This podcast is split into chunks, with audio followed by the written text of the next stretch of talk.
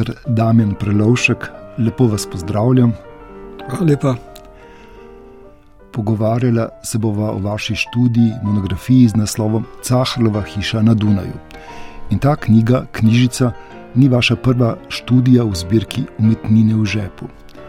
In najprej bi vas zato vprašal, zakaj si ta hiša, Cahrlova hiša na Dunaju, zasluži takšno študijo.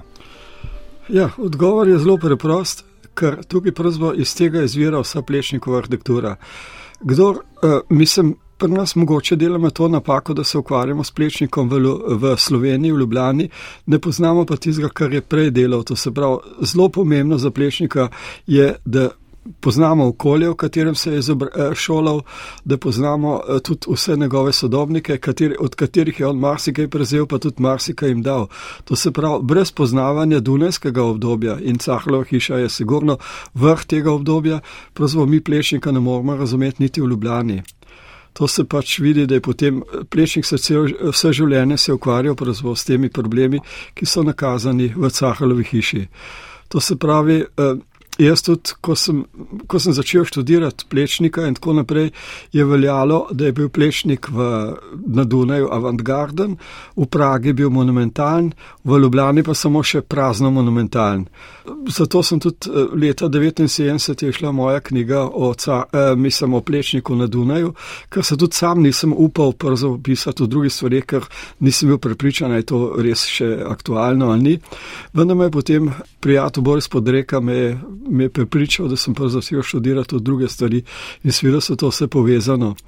To se pravi, plečnik je prišel na Dunaj kot eh, malo boljši mizarski vajenec, delal je dve leti v pohištveni tovarni, kot seveda, kjer je delal vse od, nadzor, eh, od risanja pohištva do nadzorovanja njegove izdelave in tako naprej, bi pri tem verjetno ostalo. Če ne bi bil dve leti pozneje, se mu pridružil mlajši brat Janes, ki je študiral medicino in to je plešnika spodbudilo, da je tudi, začel, da je tudi sam hotel postati, eh, to se pravi, akademik najprej poskusil pri uh, umetno-obrtni šoli Avstrijskega muzeja za obrt in, uh, in industrijo, vendar so ga tam zavrnili. Šel je potem seveda na veliko pregovarjanje domačih z tremi risbami, ki jih je dobil od, to se pravi, tovare Miller, kjer je delal prej, je šel k Wagnerju in Wagner ga je potem sprejel v svojo šolo. Plečnik je pa že prvo Eh, uro obupal, zato ker ni imel tega tehničnega znanja. Vsi njegovi sošolci so bili izhajali iz tudi premožnejših dunajskih in drugih družin, pravzaprav in on je pravzaprav se mogel pa toliko več truditi, da bi lahko se uveljavil med njimi. To se pravi, tukaj pa zdaj stvar, ki jo pa pri nas praktično ne poznamo, je pa ta teorija, po kateri se je plešnik lahko pri Wagnerju učil. To se pravi, Wagner je bil pravzaprav Eh, to je podjetnik, ki je tudi načrtoval in pa financiral tudi veliko najemniških stavb na Dunaju in tako naprej. In je šele leta 1894 je postal profesor na, na Dunajski, na, to se pravi na Akademiji likovnih umetnosti. On eh, je zato rabo neko teoretično podlago, da je lahko eh, za učenje in to je dobo pri takrat dosti popularnih delih Nemca Gottfrieda Semperja, to se pravi pri njegovi knjigi Der Stil. Ta knjiga opisuje umetno obrt, to se pravi, semper izhaja iz tega, da je vse izhaja iz umetne, arhitektura izhaja iz umetne obrti in to antične umetne obrti. Dva zvezka eh, te knjige, da stil govorite o tem, tretji zvezek nikoli ni šel, v katerem je semper nameraval eh, pod, ga izdati pod imenom Ifrglajhen de Baulere, to se pravi primarjalna eh, stavbna umetnost, v katerem je hotel razložiti, kako bi se lahko uporabljali, mislim, to uh, antično uh, umetno obrt, pravzaprav v moderne namene, v sodobne namene. To se pravi, gre za celo vrsto metamorfoz. Plečnik je bil tukaj genialen v tem, on je te stvari znal, njemu je tudi to zelo ležalo, bi lahko rekel, da ni bil član neke revolucije, ampak da je, to, da je bil ta prehod evolucijski moder, eh, iz starega v moderno arhitekturo. In tem je pravzaprav to njegova plečnikova največja zasluga, eh, ki mu je pač tudi Wagner jo omogočil. Eh, o tej teoriji bi se dal, to je teorija o oblačenju konstrukcije. Eh, ki pač eh, govori o tem, da, obstojo, eh, da arhitektura obstaja iz štirih elementov. To so podstavek, potem ovoj, ognišče in streha. Vsak od teh elementov, eh, vsakemu ne bi ustrezal poseben določen material, to se pravi, ognišču bi, to, eh, bi bil neko pragradivo, za, bi, bil, bi bila keramika, ki se žge na ognju, eh, potem za stene bi bil ovoj, ki bi bil, to bi bil nekaj tekstilnega, prepletenega in tako naprej, ravno tako za streho, medtem ko podstavek bi bil kamnit, to se pravi, vsak element ima svoje, svoje gradiva. Semper je leta 1848 je se udeležil teh nemirov v, v Nemčiji in je moral pač bežati v Anglijo. V Angliji je bil priča eh, svetovne razstave leta 1851 v Kristalni palači, na kateri tudi sam sodeloval. Tam je imel možnost, da je pred seboj imel vso umetno obrt, vso obrt v industrijo in tako naprej uh, iz celega sveta. Zato se je tudi ta teorija rodila pravzaprav tam. Na tem, tukaj zdaj Semper trdi, uh, da je pravzaprav uh, na podlagi neke, bi rekel, koče iz Karibov, da ta koča ima vse štiri elemente arhitekture, ampak to ni arhitektura za njega, zaradi tega, ker prava arhitektura postane še takrat, ko se vsi ti elementi zlijejo v neko celoto, da niso med seboj več uh, ločeni. In to je to, kar je pravzaprav plečnik delal vse življenje in na, na podlagi tega je pravzaprav plečnik uh, tudi uh, funkcioniral. Lahko rečemo, da je osnovno uh, oziroma osrednja stvar te arhitekture je ognišče. To ognišče je po Semperu neko središče vsega družbenega dogajanja dogajanja, vire, oltar in tako naprej, vsega tega. In zato ni čudno, da tudi plečnik eh, potem pozneje krok svojih eh, študentov imenoval ognišče arhitektov, akademikov. To se pravi, plečnik je tukaj prevzemal te stvari eh, in se je pravzaprav s to teorijo vse življenje ukvarjal. Mi tega, če to gledamo samo iz. Se, to se pravi iz ljubljanske perspektive, tega ne bomo razumeli, zato je treba poznati to, kako je šel ta razvoj, kako je pač plečnik te stvari metamorfoziral. V tej teoriji so zlasti dve stvari izrednega pomena in to je, eh, Semper je dal poudarek na tekstil in poudarek na keramiko. Eh, tekstil je mogoče eh, pač uporabljati na razne načine, to se pravi njegova crkva v Pragi, plečnikova crkva v Pragi je naprimer oblečena v tekstilni plašč iz hermelina, pač v navednicah, seveda. Ta, to, to je sestavljeno iz klinkarske opeke in pa uh, umetnega kamna, ki, se, ki, se, ki je ustavljeno med to opeko. Venec, uh, to se pravi, ta venec, ki ščiči fasado, je narejen kot neke vrste vratnik, za njim je bela fasada z naznačenim tekstilnim gerlandom. To se pravi, crkva je oblečena, kot bi, se, bi, oblek, bi človek oblekel neki plaš na neko, uh, mislim, uh, na belo srajco knjižnica in tako naprej. Univerzitetna knjižnica je treba razumeti že spet kot nek tempelj za stebri, ki je uvit z uh, preprogo iz, uh, to se pravi, Eh, prepro, eh, pisano preprogo iz kamna in opeke. To se pravi, vse te elementi, ki so na tej stavbi, to se pravi, ne eh, samo vhod, ampak tudi okna, ta izstopajoča angliška bay window, ki so na križnici, predstavljajo gube v tem, to se pravi, gre za smisel tega tekstilnega. To tekstilno se ponavlja potem v univerzitetni knjižnici od začetka do konca.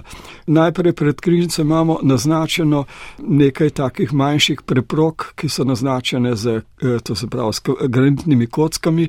Za vrati takoj je predpražnik, ki je že spet iz kamna, potem imate stopnišče, kjer imate stopnice majhne zareze, kar pomeni, da je pravzaprav neka nevidna preproga položena čez te stopnice. Prijete na vzgor, je v, to se pravi, v tem peristilu so potem strop in pa na tleh imate že spet nekakšne, bi lahko rekli, preproge, eh, medtem ko na drugi strani v vstopu v, to se pravi, v razstavno dvorano, tam imate pa eh, že spet nek bi lahko rekli, imaginarni zastor eh, iz rdečega hotavskega kamna, ker je Semper piše o tem, da je pravzaprav V starih časih so, mislim, za posebne slovesnosti so okraševali stavbe s tekstilom. In zdaj, če ta tekstil spremenite v neko tra, v trajni material, postane to monumentalna arhitektura. Zato te gube, tega eh, navednica gube, tega, eh, mislim, eh, portala ne grejo do, do tal, zato ker tudi nikoli ne gre, mislim, zastor do tal. Ravno tako je potem druga zadeva, ki jo mogoče ljudje ne poznajo. Ko pridete v knjižnico, vidite, da lestenc ni v osi vašega dostopa, ampak je premaknen mal. To je zaradi tega, ker Semper trdi, da je pravzaprav prvotni strop bile, je bil narejen iz preprog in preproga ima svojo logiko, to se pravi, je to v sredi preproge, ta, eh, mislim, tako imenovane preproge, je lestenc, ne pa v smeri vašega gibanja. Doktor Prelovšek, hvala vam za vaš izčrpni odgovor, tudi za predstavitev vpliva Semperjeve teorije na plečnika ko je Plečnik dobil projekt Cahlove hiše na Dunaju, še ni dopolnil, domnevam, 30 let. Kako je tako mlad arhitekt lahko dobil tako zahteven projekt? To je bilo leta 1898, je Cahar si uredil svoj lokal v središču Dunaja. Imel je sliko Črkeza, ki ga je Jozef Marija Auchenthaler mu naslikal, njegov družinski prijatelj. In ta Črkez je posebej pravzaprav to, eh, to rastlino Piretrum, to je neke vrste orhideja, ki je pač eh, bila, eh, s katero je bila, na kjer je zmelilo pač bogatstvo Caharla s tem praškom, Caharlinom proti Mrčesu.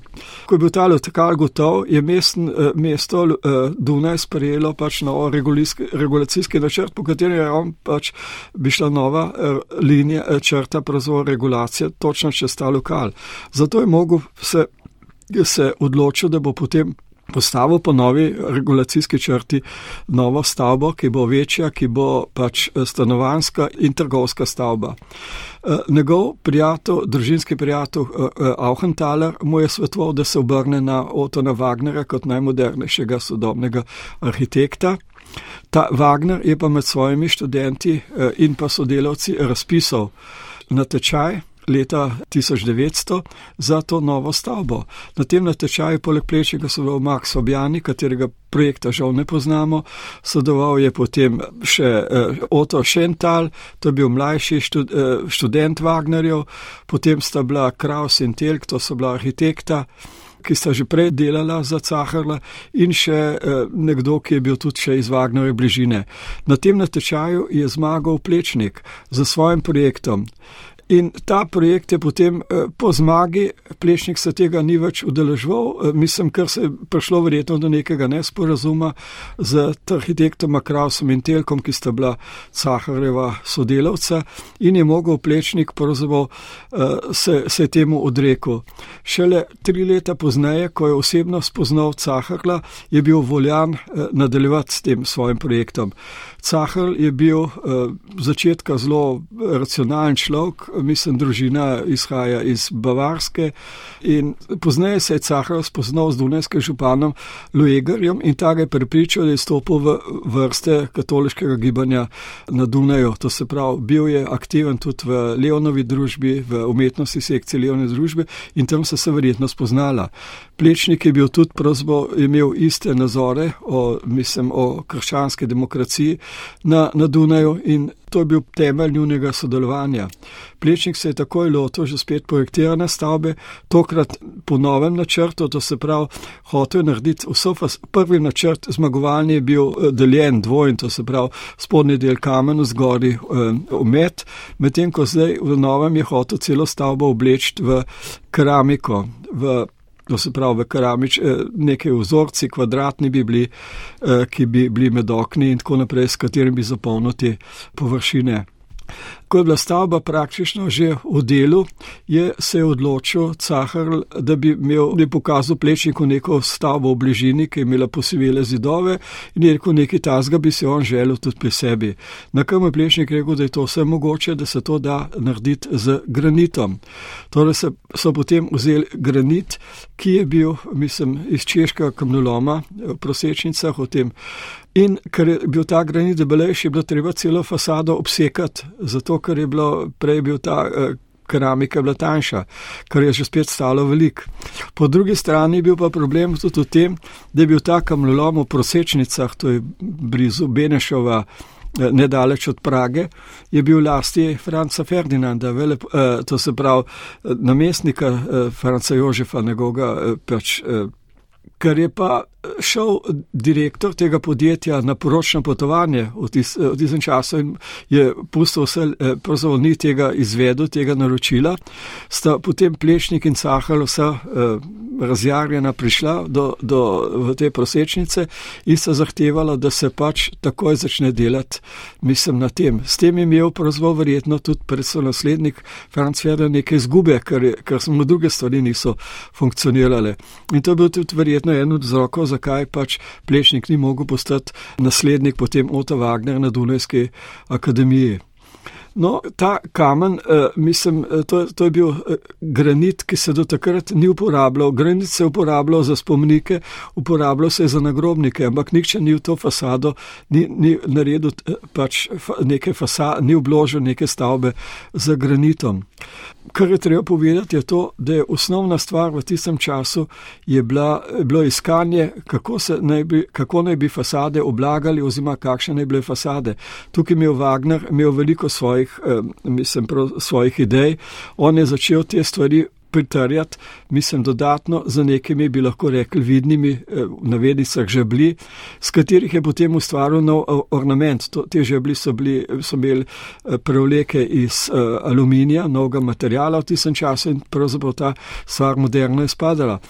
Plečnik je tukaj naredil, da je pač te, ker so bile to težke granitne plošče, jih je seveda pritrdo posebej, po drugi strani je pa eh, imel tudi prazvo, eh, med plošče urinu neke, bi lahko rekli, paličaste profile, to so bili te profili, za katere so bile te plošče zataknjene. To se pravi, ta ritem, ki ga imate na fasadi, je hkrati tudi eh, način pritrjevanja teh plošč, kar je bil viden. To se pravi, to je bila velika novost v tistem času. Plešnik se je tukaj zelo oddaljil od svojega učitelja Wagnerja. Vse Wagnerjeve stavbe imajo fasade ločene med seboj, poudarjene z pilastri in tako naprej medtem ko plešnikova sada teče kot enotno ogrenjalo preko vsega, preko vse stavbe in spreminja se samo ritem tega. To je tisto, kar je pravzaprav plešnik prinesel novega. Ravno je plešnik korigiral stvari, ki jih je imel Wagner, to se pravi, Wagner je vedno pritličje in mezanin oblekel v neko stekleno površino, to se pravi, lahko bi rekel kot neke izložbe, medtem ko plečnik tega ni naredil. Plečnik je ločil eh, pritličje trgovsko iz zase, medtem ko mezanin je pa samo umestni del. No in to je potem ta stavba bi doživela še verjetno, eh, ne bi doživela kakšnih večjih sprememb njegov načrt, če mu Dunajski magistrat ne bi preprečil, pač oziroma ga je upozoril na eh, to, da vr zaključek ni, eh, mislim, ni je, eh, pravzaprav nimate pravega naklona.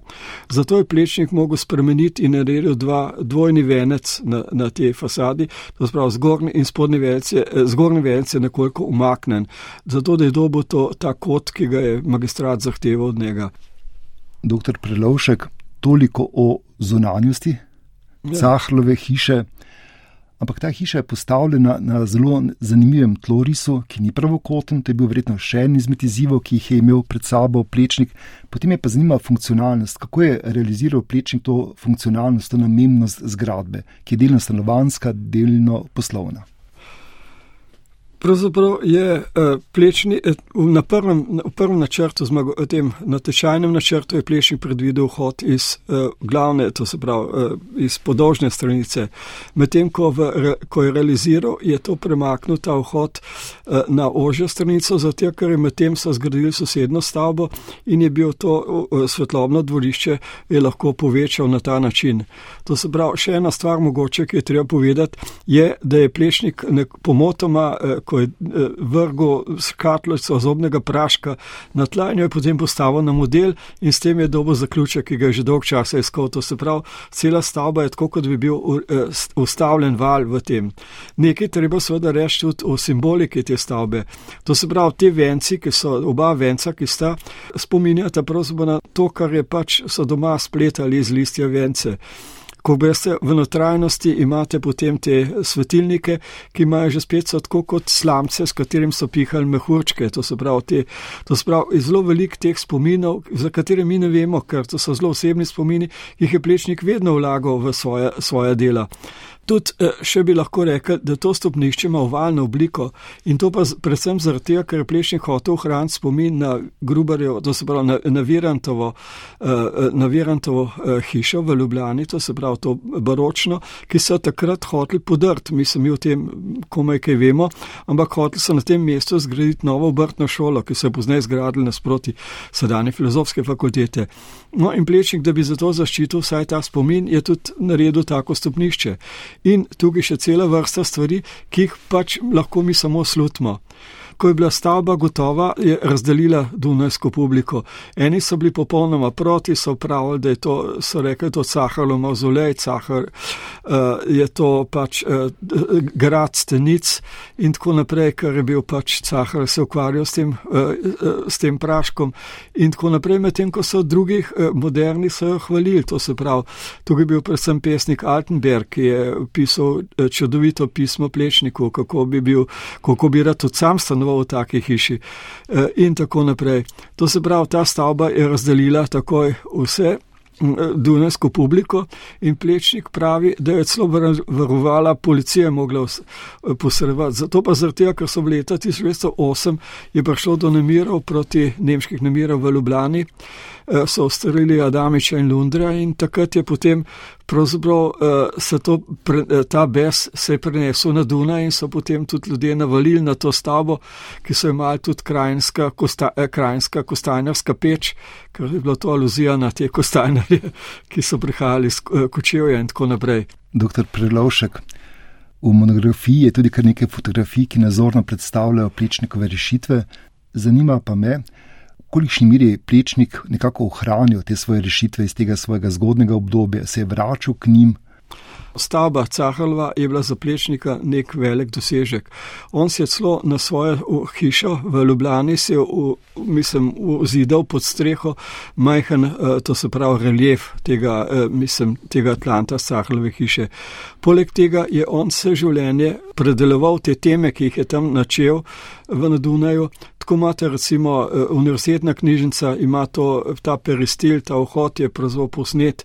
Na Dunaju ni imel dovolj prostora, je tukaj zdaj se razširil, koliko se je bilo to mogoče. Poleg tega je na zajemni zavarovalnici so že spet neki taki tenki stebri, ki že spet kažejo na, na vpliv tega. Tudi tam so tudi Atlanti, ki so seveda eh, samo še dekorativni, ne nosijo več eh, teže tega venca. Poleg tega imate oltar v v Beogradu v cerkvi, Marijin oltar v cerkvi svetega Antona v Beogradu, ki ima popolnoma ozadje, popolnoma enako kot to.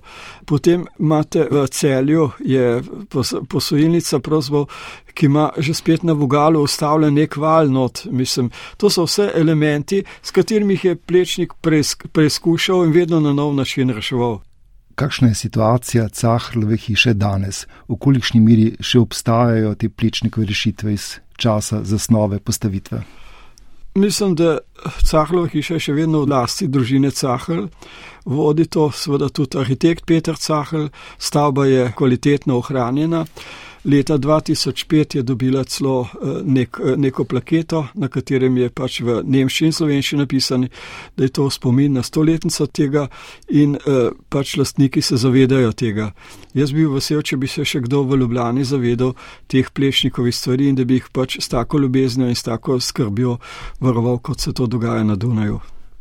Doktor Prelovšek, če se za hip vrneva k Cahlovi hiši na Dunaju, vsebuje tudi stanovanja. In zanima me, kakšna so ta stanovanja po svojih tlorisih in tudi kako je plečnik poskrbel za hišnika. Že v natečajnem, mislim, v natečaju ni bilo popolnoma eh, določeno, koliko stanovanj bo vsakem nasropju. Eh, Plečnik je pač predvidel dvoje stanovanj, dvoje luksužnejših stanovanj, medtem ko so Kraus in Telk, ki so bila bolj praktična, so troje stanovanj predvideli. To se pravi, eh, s tem je tudi prostori za služenčati in tako naprej bi mi v slabšem položaju kot Plečnik. Plečnik je vedno trdil, da je treba v stavbah misliti tudi na eh, vrtarja, na tizga, ki sedi v neki loži, da to ni nekaj, mislim, neka obskurna luknja, v kateri je ampak eh, da je pravzaprav tudi on ima eh, vso pravico na, eh, na kvaliteten prostor. Plešnik se je tukaj zelo uh, potrudil v tem, da je uh, v tem, v, to je tlorico razvidno. Uh, Zdaj stanovanj sta, stanovanj v tej stavbi praktično ni več. Cela stavba, ker je stoji neposredno v najožjem eh, središču Dunaja, je pač zasedena z raznimi ustanovami in tako naprej, eh, s pomočjo katerih seveda se tudi ta stavba obnavlja. Napisali ste vrsto študij, monografij, znanstvenih tekstov o plečniku in me zanima vaše avtorsko veselje ob pisanju in snovanju takšne monografije. To je Mislim, da je zanimivo vprašanje. Pravzaprav, eh, mene je to vedno zanimalo, mislim, eh, začetek plešnika, to se pravi, odkot vse te stvari izvirajo in tako naprej, da lahko pojasnim tudi, kar se dogaja v Ljubljani. Zato je leta 1969 je profesor Stele dobil od Herdjevo nagrado, s katerim je bila zvezana tudi neka štipendija za mlajšega umetnostnega zgodovinarja, ki je naklonil meni. To se pravi, jaz sem imel možnost, da sem nekaj mesecev na Dunaju pač preučeval te stvari, da sem tudi eh, dobil pogled v to Cahalovo družinsko kroniko, kjer so ohranjene pisma Plečnikova.